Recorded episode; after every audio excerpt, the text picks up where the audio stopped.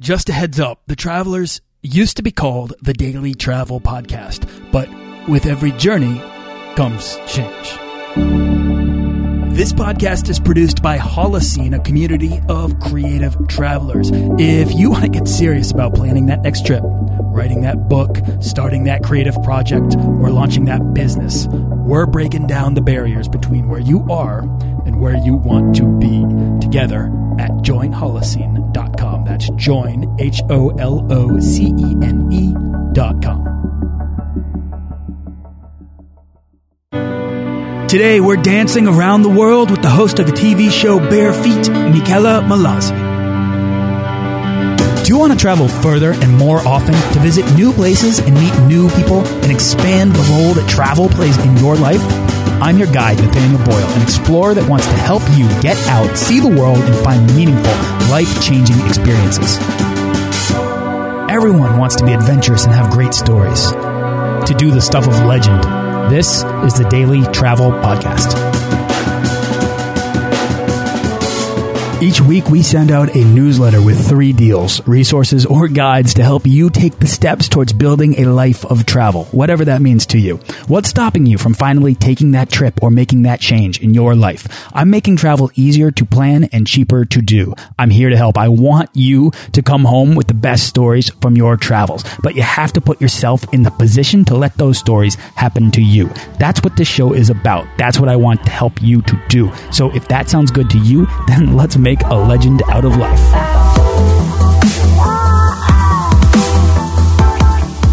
Okay, Mickela Mallozzi is a dance instructor turned TV host of the show Bare Feet, which has aired on Travel and Escape, uh, a Canadian travel channel and New York City Life or NYC Life, uh, a PBS affiliate in New York. And starting in 2015, her show Bare Feet will be nationally distributed on PBS in the US and Canada in January, which is really exciting for her and me. Each episode, she uh, travels to a new place and embeds herself into the people there through their traditions of dance. Uh, occasionally, I speak with painters and photographers on this show, but I've never discussed dance, which, like food, is it's easily one of the most elemental and original expressions running through the blood of any culture, right? So through the lens of both the camera and dance, Mickela has explored Buenos Aires, Uzbekistan, Puerto Rico, Curacao, Italy, Germany, Ireland, all 50 states, and her home, New York City. Uh, she's currently living in Nashville, but that's only to name a few. She's been to more. She's also the organizer of the Women's Travel Fest, which is held in New York City around the end of February. Uh, I can't. San Francisco. San Francisco. Yeah. Correct me. it's a traveling. It's a traveling festival. Was it in New York before? Yeah. There it is. Yep. I can't wait to hear uh, from you, Mickela, where the idea for Bare Feet came from, uh, how you got started producing your own television show, and where it's heading in 2015. So, uh, Mickela Mallozzi, thank you for uh, coming on the show. Thanks, Nathaniel. Uh, so I shared a little tiny bit about you, but I want you to introduce yourself. Tell us where you're from and how you got started traveling. Sure. Uh, I'm from Stamford, Connecticut originally, which is 45 minutes outside of New York City. And I lived in New York for about 14 years. So I'm adopted New Yorker, recently Nashvilleian, but um, I'm constantly in New York. Um, yeah, I started traveling because I studied abroad for a summer. And I feel like that's the start of everyone's story. A lot of people's stories, they study abroad and then you kind of get that travel bug because it's the first time you really travel internationally alone and you realize, wow, I'm having all these amazing experiences, not only just learning wonderful things, but meeting incredible people and seeing a world, a totally different world from what I've known back home. So that's really what sparked it. Um, I used to work in the music industry for about six, seven years and I danced my entire life. I started dancing when I was three years old and I was a musician as well. I went to school. I went to NYU for music composition. Um, but professionally, I worked in the music industry on the business side and then got really burnt out and then started dancing again. I kind of had stopped dancing through college um, and found dance again in the city and then started teaching. So I teach at the Ailey Extension School uh, in New York and started teaching and then had this idea when, when I would travel for fun so after uh, studying abroad my sophomore year, and then I got a scholarship the summer of my junior year to study in Rome, I um, I would travel as much as I could every summer when I wasn't working, when I was in school. And I would backpack or, you know, crash on people's couches if I knew they were traveling somewhere. I would always meet up with friends. But as I was there, I would find these local holidays or festivals or some sort of celebrations and meet up with local people and just go up to them and start dancing with them. I would literally say like, teach me what you're doing. I want to dance with you. Whether they knew the language or not, I would make hand gestures and they could kind of figure out what I was trying to ask them. Hmm. And I would dance with Love them. It. And that, that emotion I had, I got a high from it and I wanted to continue that, that feeling of like going to these places and just like meeting these great people. And I have a very, I'm a trained dancer, but I have a, a knack for imitating people. Um, and that's all I'm doing. I'm just imitating their movements, imitating what they're doing with their bodies, the rhythms that they're making with instruments, if I can. Um, and it's this really kind of magical way of connecting with people on a different level, especially if you can't speak their language. All of a sudden you've made this connection that otherwise wouldn't have been possible at all. So I, back in 2010, I wanted to continue that journey and I started a blog and then eventually started a web series and now it's going on TV. It's been airing on NYC Life, uh, in New York City in the New York metro area. So New York, New Jersey, Connecticut, Long Island, uh, since March of 2014 of this year. And we've been picked up for a second season. So that's starting in February of 2015. And then we're taking the show to PBS National starting in the fall of 2015. So it's really exciting. It's really, um, you know, if you have an idea and have a vision for something and people think you're crazy, because if I have this idea saying, I'm going to go travel and dance around the world. yeah, people thought I was nuts. They still think I'm nuts, but you make it happen and uh, it's happening. So it's that. been really, really wonderful journey so far. I love that. Does it, it, it must feel as if it's all happening, as if it, you're in a moment. Yeah, it, I feel like I've been in a moment for a while because it just keeps growing. It's this nice gradual incline, um, which I think is, is the right way to do something. You know, when the show got picked up for NYC Life, I had just moved to Nashville so it was like all these years of working for this one goal. And then I leave. and then I couldn't even see my show on TV. But the most amazing thing was it was still happening. And I was getting emails from random people and calls from family members and friends who I hadn't seen in years or people I went to like high school with. And I even got messages from people I went to elementary school with or like, did we go to this school together? I think that's you. I remember you. I see you dancing every Wednesday night. And it's like, oh my God, people actually watch the show and they really like the show and they connect with it. So yeah, it's always like something's happening. You know, there's always this moment, but at the same time, I'm constantly thinking ahead. So even if something amazing happens, which happens every day, I'm just always like, all right, on to the next thing. Like, what do we have to do? What's, what are we going to do to make this happen? You know, so you can't get caught on too much of the good stuff because a lot of times what people see is a lot of good stuff, but you don't see all the hard work that goes into it. Like, like they say that an iceberg, it's like an iceberg. So you see the top 10% is all the good, the videos and the, and the success that you're doing, but all that hard work, that 90% that's underwater, everyone else doesn't see that, but I feel it for sure. Lack of sleep. I have questions about uh, about traveling with a crew and traveling with cameras and this, the, all the all the equipment and planning that goes into it. But yeah, before we even get into that, I mean, just starting a blog as a teacher and taking whatever time you can to go right. and travel Europe. That's not easy to do because it's expensive, right? I mean, I would imagine that making making money as a dance teacher, you're not you know you're not cleaning up, and then no, and yeah. then you're spending a lot of it going abroad. Um, yeah, when I started, um, luckily I used my teaching as a way as access to travel. So, for an example, I um, reached out to a dance school in Ancona, Italy, when I wanted to go to Italy because I also have family in Italy. So I reached out to the dance school. They loved what I sent them. I sent them a video resume and said, Hey, I can teach at your summer camp or this like two week session. And I got paid to teach at the school, but I also was able to pay for my flight and pay for everything. They hosted me. I was able to write some posts and create some uh, content based on that trip. And then I was able, when you're in Europe, it's so easy to get around once you're there. Um, I traveled from there. So yeah, it's expensive to travel. Um, and you don't make a lot of money being a dance teacher, but you can use what you have to travel the world and, um, I was teaching, you know, and making money from that. And it was paying for itself. So I was sort of on vacation and sort of working at the same time and working on the blog and that kind of thing. But, um, as the blog got bigger and as the web series got bigger, I now get sponsorships. And there's always this sort of, um, gray area with people like, well, if it's a sponsored trip, then it's highly influenced by the places that you're going to and the people that are paying for it.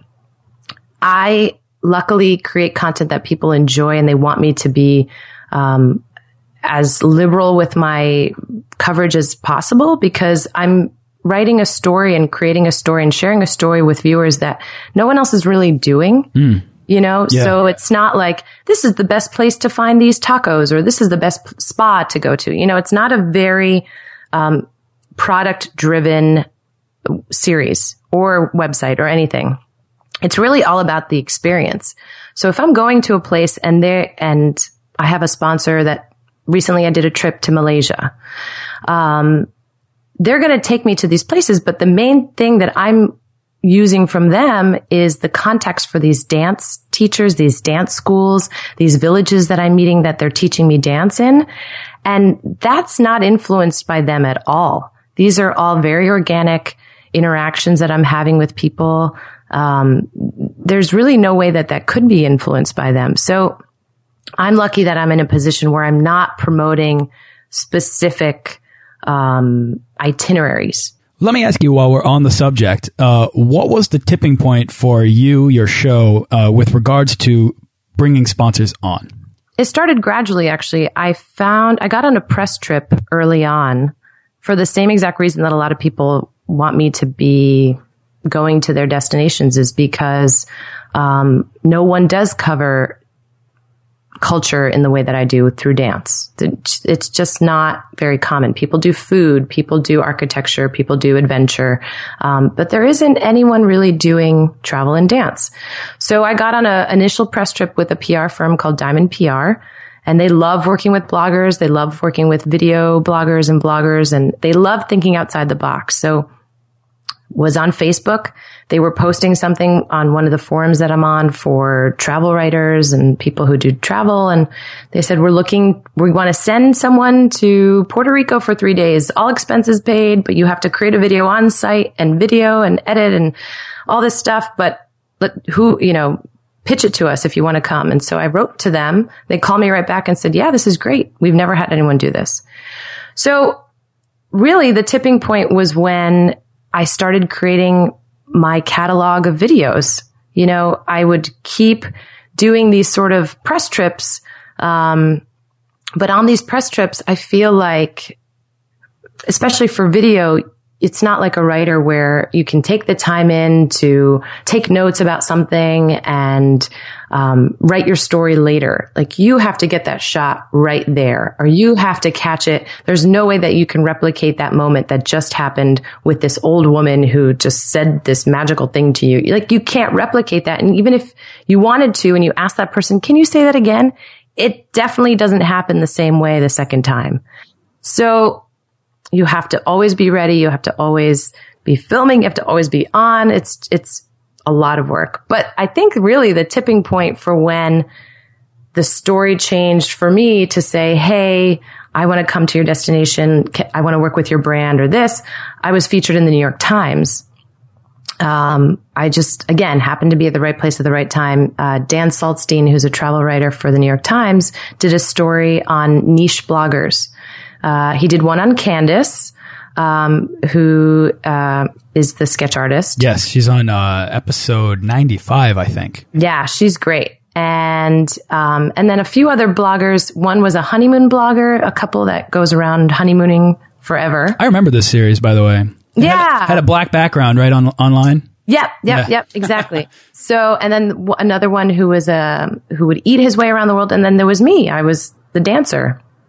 And that really took bare feet to another level. I Wow. mean, you know, New York Times, you can't really, that's a big deal. It doesn't get much bigger. Yeah, it's a pretty big deal. So after that came out, and it was small, it was just, it wasn't a huge feature. Um, but I still get calls from that story, and that ran last year. By another level, you mean you're you just saw an increase in audience, in traffic, and across the board. I saw an increase in audience, in traffic, and also in um, level of credibility for my work and for people who wanted to work with me. Um, and then from there, you know, I, I'm, I come from a PR background as well when I worked in the music industry. So I do all my own PR and I work my butt off because I know that other people talking about you is more important than you talking about yourself. So That's your brand. Yeah. Yeah. I mean, you have to promote yourself. You have to not be shy and be able to say, cause if, if you don't believe in your own product, no one's going to believe in what, what you're talking about. So you have to be your number one advocate for yourself. Um, but I constantly know that, uh, or I constantly reach out to writers and outlets and the more that other people talk about me, the more credibility it builds. And I feel like I have a pretty fun story to share. And I think a lot of people see that and they want to share that as well. It's unique. Um, it's an interesting way to travel. The fact that I quit my job. I used to work for metal bands, which is like totally crazy, you know? and it's a whole other life now, but I, I don't do that anymore. But I quit that job, became a dance teacher, and now I travel and dance around the world. And it's this sort of whimsical yet amazing, but hard job to do. And I think people really get inspired by that. You know, there's this aspect of go live your dream. You know, she's doing it. Why don't you do it? Do you find that there's a current of people that sort of follow you or are interested in what you're doing because of that choice? Yeah, I definitely do. And that's what sort of has helped with the Women's Travel Fest. Um, I've partnered with Go Girl Guides uh, owner Kelly Lewis, and we decided to create a festival um, for women travelers who every time I would speak at a conference or speak to people or I met people or I'd get emails saying, I love what, what you do. Um, how did you do it? And, and, and how did you decide that you could just drop everything and go? And it's, it's really not that easy to just say like, I dropped everything and I went. That's not really what happened. You know, it's this gradual process, but seeing how, especially women were feeling like either travel as a career or they just are travel, people that haven't been able to travel as much and feel inspired by the idea of just getting up and going somewhere. So that's really taking that um, reaction from people of starting a business as well as traveling and seeing the world in a different way and realizing that there's this void for women in the world that need this uh, festival, this way to come together. We our mission is to empower, inspire, educate, and connect women through travel. So you don't have to be a professional traveler, but it's all about using travel as a way to do this for all women across the board. And it's really seeing these reactions from people of like, you know, I have small business or potential business owners and, and other bloggers who follow me because they see what I'm doing for myself. And then I have people that are just on the consumer side that either watch my show or watch the web series. It's all across the board. And I think my story really hits both sides of, of that spectrum, you know, the business side as well as the consumer side of just inspirational kind of fun ways of traveling and content, really. Yeah. Was there a trip? Was there a um, an episode maybe of of Bare Feet in which you said, you know what, this is it. This is working. Like there's a thing here. Yeah, I I was in Argentina and we were shooting the tango festival and I went to Milongas and I'm learning tango. I'm meeting these young kids who are dancing tango and it's this amazing, amazing, beautiful moment and chaos is ensuing and, you know, things get canceled and it's all about just going with the flow really on any shoot. But we show up at this beautiful theater uh, right in the heart of Buenos Aires, and it's called uh, Tango Porteño, which is basically like a Broadway show, uh, tango dinner theater uh, performance. And I had known I was going to be part of the production. Like they told me, yeah, you're going to come in. We're going to have you part of the show. It's going to be great. I show up and they're like, you're going to be a featured dancer in our show. you know, I thought I was going to be in the background as maybe a chorus girl or something like, no, it's just going to be you and our head choreographer for the entire show dancing on stage alone. Oh, and wow. I had just started learning tango four days before that. So I'm freaking out. I mean, everything that you see on that episode and that video is real. I'm not an actress. I'm a terrible actress, actually. and like at one point, I'm in tears just because of nerves. You know, like yeah. I'm going to get out on stage where usually it's a real professional tango dancer and I'm backstage just getting so nervous and getting worked up. And then right before I get on stage, and this moment wasn't caught because the camera, there was a camera person in the audience and then another camera guy on the side of the stage opposite me because I had to walk in from the other side.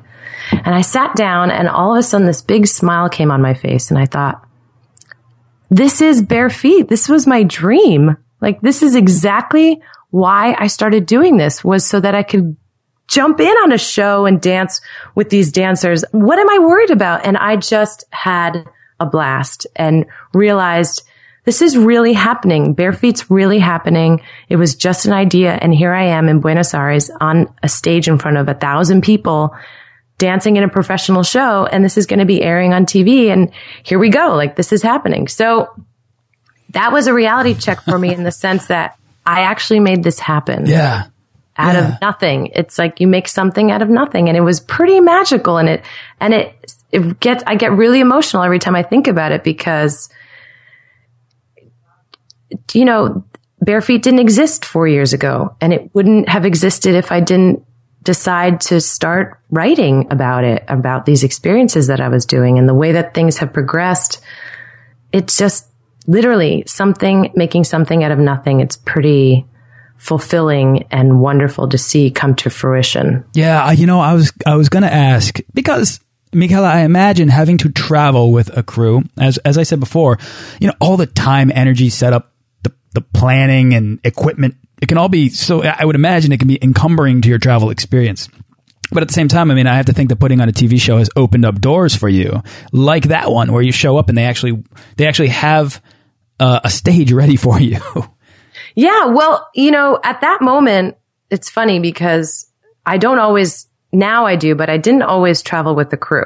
You know, some of my episodes, I'm holding a monopod. There's this awesome, one of my favorite episodes is when I go to Europeade, which is a traditional European folk dance and music festival. It's the largest festival in Europe. Every year it's hosted in a different country. And this was last year, you know, and I show up with my camera. I'm the only American in this little town of Gotha, Germany. And I have my monopod, I have my camera, I have my microphone. And I just wandered the entire festival. I found people who could hold my camera for me.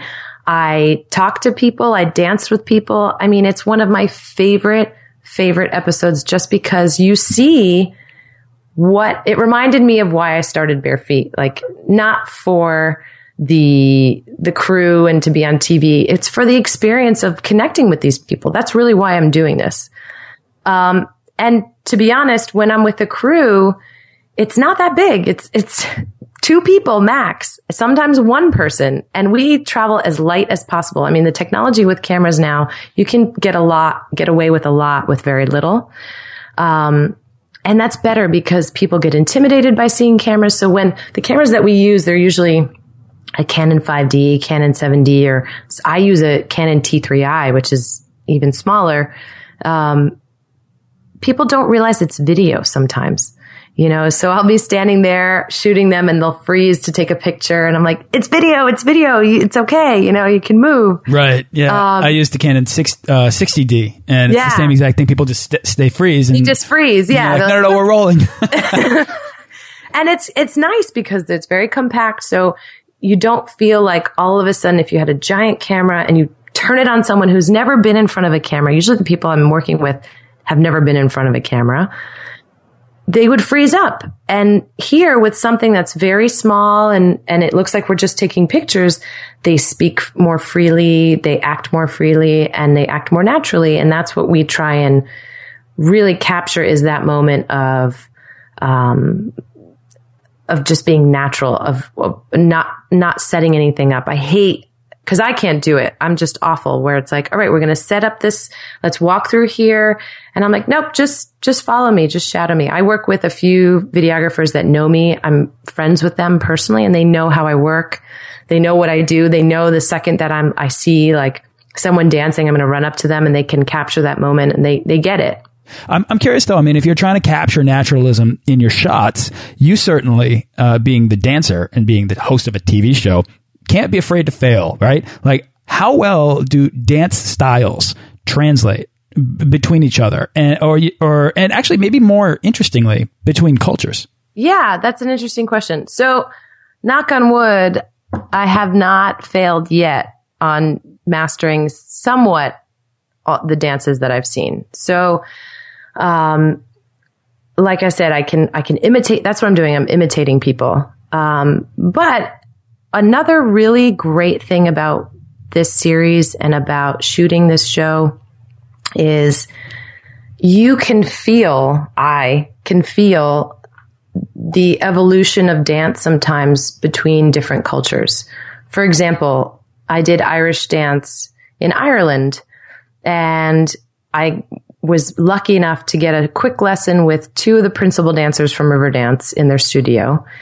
And I learned that dance and I, I tapped, I've tap danced my whole life. So it wasn't too far of a stretch.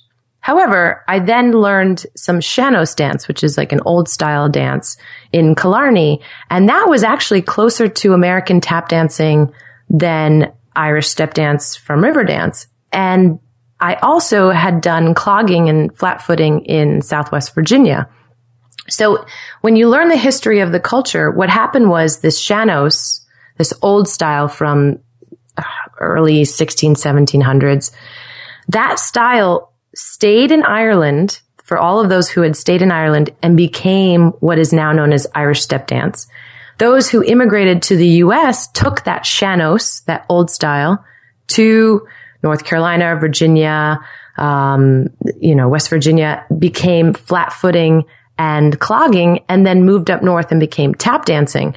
So I could physically feel the steps that were similar from before when the Sean-Nós moved to the United States and how similar they were to tap dancing. And I could feel exactly where they came from. I mean, it's a really powerful thing to see right there, you know, right in front of you. You're like, I, oh my God, I know I know exactly what happened because these people got on a boat and had to leave because they were starving and dying and moved to the United States for a better, you know, for a better opportunity. And, and they took their music and dance with them. Same thing with bluegrass music. You go to trad sessions in Ireland and you see that same, those same jam sessions that they do in the South that's where they came from, from Ireland at these trad sessions where people would just play fiddle and mandolin and, um, Uilleann pipes and, and they would just sit and play songs over and over and over again. And it's, you hear the, the same songs almost with different lyrics because they're telling a different story, but it's, they took their song that they did in Ireland when they moved to the US.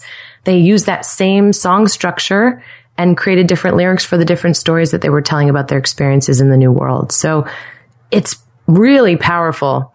Um, and you see, you know, sometimes when, when I was in Uzbekistan dancing, I felt, uh, I do a lot of Indian dance and I felt a lot of the same movements and it made sense because Uzbekistan is a major part of the Silk Road trade route and the Silk Road started in India. So you see where those influences came from. I mean, things like that. I'm getting goosebumps now just like talking about it, but it's really, it's a really cool way to feel culture. So I find often, and this is kind of maybe the the heart of this show, is that the best stories from our travels come from the people we meet and the ways in which we help each other find our way. I'm wondering because you're connecting with people in dance, how helpful are the people, the, the your dance partner, or the choreographer, or your ensemble members? How helpful are they to you in learning and picking up the style of dance that you're that you're learning? Well, they're obviously invaluable because without them, I wouldn't know what I'm doing. Um, but second of all, for bare feet, it's really, I, I, my goal for bare feet is to obviously it's a little bit for selfish reasons. I just want to travel the world and learn every dance possible. But at the same time, it's not really about the dance. It's really about telling the story of the local place and the characters of that place. So, for example, and this is why I bring this up is because I was recently in Croatia, which is a beautiful, beautiful country. And I was along the Dalmatian coast. I mainly stayed in Dubrovnik and then we made a few trips uh, to Korčula. And I met with this family um, in Čilipi, which is about half an hour outside of, of Dubrovnik. And everyone was so wonderful and kind. And I was dancing with a bunch of groups and I met with this one group in Čilipi. They dance every Sunday after church. It's a very Catholic country. Um, and they dance in the square after church. It's at about noon. So everyone can come to the square. They play traditional music. They dance all the traditional dances. They're dressed in full costume. And the main dancer was this man. He was about my age. And his mother was the woman who we had met earlier. We were interviewing her. We met her at the church. She's always at the church. And, um, just by walking through the town, you would never know. You would just think, oh, it's such a quaint little town and there's beautiful clay rooftops and it's beautiful and there's vineyards and it's just gorgeous little place. And I meet with this woman and she starts talking to me and she's telling me the story about how during the war back in the 90s, which wasn't very long ago, they had to flee. They were refugees and had to flee to Zagreb. And when they returned, 80% of that village was completely destroyed. Wow. They lost wow. everything. Yeah. And this was in the 90s, oh. you know, and it was, I'm looking around like, this can't be possible. I don't understand how this was possible. And she said the first thing that she did, that they did was she began sewing and making her son's traditional dance costume. That was the first thing they did when they got back. And she said, our music and our dance helped us overcome these tragedies. And that I wouldn't have known that story. I wouldn't have known. I mean, I know the history uh, between the war, but that particular personal story and the way that the dance and music, why their traditions are so strong makes sense. You know, everywhere you go in Croatia, family and tradition are the two top priorities for them. And this is why. Um, so I was able to dance with her son and the dance had so much more meaning to me after knowing this. It's, that's what Bare Feet's about. It's not just, I'm just going to go and dance with these people. It's going to be great. No, I'm using dance as a, as a tool to get these stories from people for them to feel comfortable enough to share with me why they dance, what these dances mean to them, what this music means to them, what it means for their history. And I think that's what's really special about what I'm doing. At least for me, I can connect with people. Like I said, if I wasn't going to be dancing with her son and asked about her dances, I don't think she would have shared that story with me. Mm. Well, so these stories break down the barriers that exist between cultures, between people that have differences. And so that's why they matter. And I think that listening to what you have to say, and I'm, I'm fascinated by it. And I, I want to go and find this particular episode, this particular story, because it, it is, it is a way to sort of, uh, to peer into these people as people, as human mm -hmm. beings, mm -hmm. and um, that you know that that aren't completely different from you, but yet have this very unique uh, background and story. And you're providing a sort of a, an angle to that story that is is very sensitive to personal expression, the needs, the wants, the history, the background of of a of a people who have struggled because more often than not, art. Uh, art such as dance or, or almost almost any great art has come from some degree of struggle or strife. Yeah, yeah, definitely. And I think with dance, um, I've noticed this is that people are very reserved to share something personal.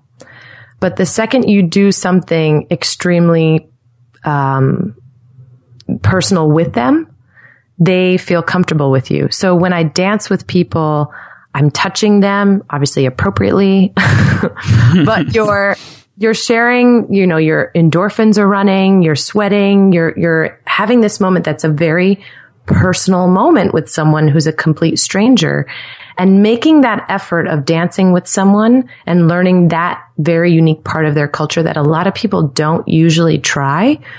I think they think, all right, she's, she's good. I like her because she's, she's making an effort to learn something about me that no one really else, no one else does. I want to, I want to show her more. And that's always what happens this is how bare feet started was when I was just writing about it or even for fun, you know, I would start dancing with people and they're like, Oh, come meet my family. Come have lunch with us or eat dinner with my whole family. You know, all of a sudden all these doors opened out of nowhere, but it was because I made an effort on a different level that most people don't, especially Americans. I think, I feel like dance isn't as much part of our culture in a way on an everyday basis as other cultures there may be. Like in Brazil, people just start dancing samba in the street. You know, a lot of TV shows, they take the audience through their favorite restaurants and the episodes become like travel guides mm -hmm, of sorts. Mm -hmm. Is what you do with bare feet something that's accessible to other people? Yeah, actually, um, I've started leading bare feet tours. Oh, so fun. yeah, so people can come with me on my adventures. We won't be filming, but, um, I had our first bare feet tour in Bali, Indonesia in April, which was incredible. We did, um, Legong dancing. We had, uh, private sessions. We did yoga in the morning. We were on this beautiful rice paddy field and we went mic'd up, hiked up Mount Batur and, um, went to a temple to get blessed and we made our own, um, offerings because in Bali, uh, offerings. They do offerings twice a day, every single day. It's a big part of the culture. So the most beautiful thing about Bali is, um, in order to venerate the gods, they make art, uh, music, dance, and offering. That's that's that's the golden rule. So it was a pretty magical place to be able to have this bare feet tour, and we had eight women with us. And our next tours are coming up. They're going to be Ireland is May of next year of 2015 and Puerto Rico is March of 2015. It's not just dance and music. Of course, we're going to go to trad sessions and drink lots of beer and it's going to be great. So, um, but besides that, it's, it's really emulating just the experience of connecting with the people through dance. And you don't have to be a professional. If you're the type of person that likes to get up at a wedding and dance with your friends, this is a tour for you. I love it. I yeah. actually am that type of person. I'm not a dancer, but I uh, uh, at weddings it's on. Yeah, and yeah. that's it, that's all it's about is just having fun, being open to the culture and having fun. You don't have to be a trained dancer whatsoever. It's just it's like a food tour or a bike tour or you know, people go on culinary tours all the time and they're not chefs. It's the same thing. You're learning. That's the whole experience is about immersing yourself and, and just getting a feel for it. You don't have to be a professional once you leave either. That's not my goal as well. I don't want to leave a place and say, Oh, I'm going to go teach this style of dance that I've only been doing for two days. You know, that's ridiculous.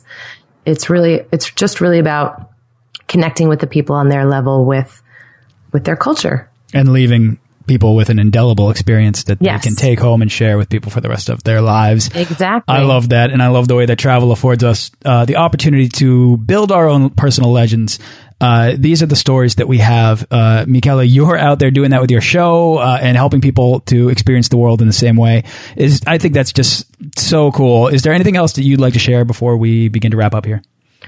Check out travelbarefeet.com and hopefully uh, keep an eye out for your local PBS station in the fall because Bare Feet will come to your TV screen. I love it. Yeah. I'll be watching for sure. Um, what's exciting you the most right now? Where's your next trip or what's your next project? Um, my, the next project I'm really working on is finishing up season two. So we have, uh, a few of the destinations on that season is Croatia. So that hasn't been out yet, but you'll see that one and that's where you'll see that woman and her family. It's it's a beautiful place, a beautiful people. Um, we head to Montreal, which is a hop, skip, and a jump from New York or Boston, where you are. But it's really such a progressive city, and I actually get to dance and meet with a woman who's in a wheelchair. She's a quadriplegic and she's a professional dancer. So not only do we get to connect with people on the traditional side, but also what people are doing to evolve in dance. You know, how does this, how does this go forward? How do we take dance into the next level? And, um, so I'm excited about that. And then our bare feet tours, that's what I'm really focusing on is really taking other people to come with me. I want people to have that high and get that experience that I do every time I travel because it's so magical. And I can't explain it other than just sharing my videos and you seeing how excited I get. I mean, I'm like a kid in a candy store when I walk into a place and people are dancing, but I want other people to have that same experience. And, and that's really, really the next step. And besides that, we have the Women's Travel Fest. So Ladies, you got to join us February 27th through March 1st in San Francisco. Um, we have a ton of great speakers, including Patricia Schultz, who's the writer of A Thousand Places to Go to See Before You Die. Um, we have Paula Froelich, who's um, the editor of Yahoo Travel. We have some amazing, amazing women, and it's going to be a whole two and a half days of inspiration and partying and just having a good time and, and talking to each other and, Sounds like and fun. talking travel. Yeah. Inspiring. Yeah. Yeah, totally. All right. Uh, Mickela, where can people go to find out more about you? Yeah. If you go to travelbarefeet.com, um, everything is there, or you can follow me on Twitter at Travel Bare Feet. Everything is Travel Bare Feet on Facebook, on Instagram, on YouTube. Please find me on the YouTube channel. You can subscribe at Travel Bare Feet. Um, our next videos that are coming up is me dancing at Oktoberfest because it's the best party in the world. That'll be fun. Yeah, and um, if you're in the New York area, tune in every Friday at 8:30 p.m. We're on channel 25 or 22. It's NYC Life, depending on your cable provider. And uh, we'd love to have you tune in. Very cool. Mickela, thank you so much for coming on the show and sharing this really interesting, unique perspective on your experience. Uh, what you know, uh, starting your own television show is, is, something that I think a lot of people dream to do, and you've you've gone out and made that a reality, which is really inspiring. But not only that, you're doing that. You're doing something that really matters, and you have a really interesting perspective on the world through your experience. So thank you so much for sharing that you know unique uh, perspective uh, and taking your time to you know chat with me today. Thanks, Nathaniel. Thanks for listening to this episode of the Daily Travel Podcast. For show notes and links to everything in this episode and more, head on over to dailytravelpodcast.com. Join our Facebook page of explorers and subscribe to our newsletter for the best deals and resources to help make your next trip life changing.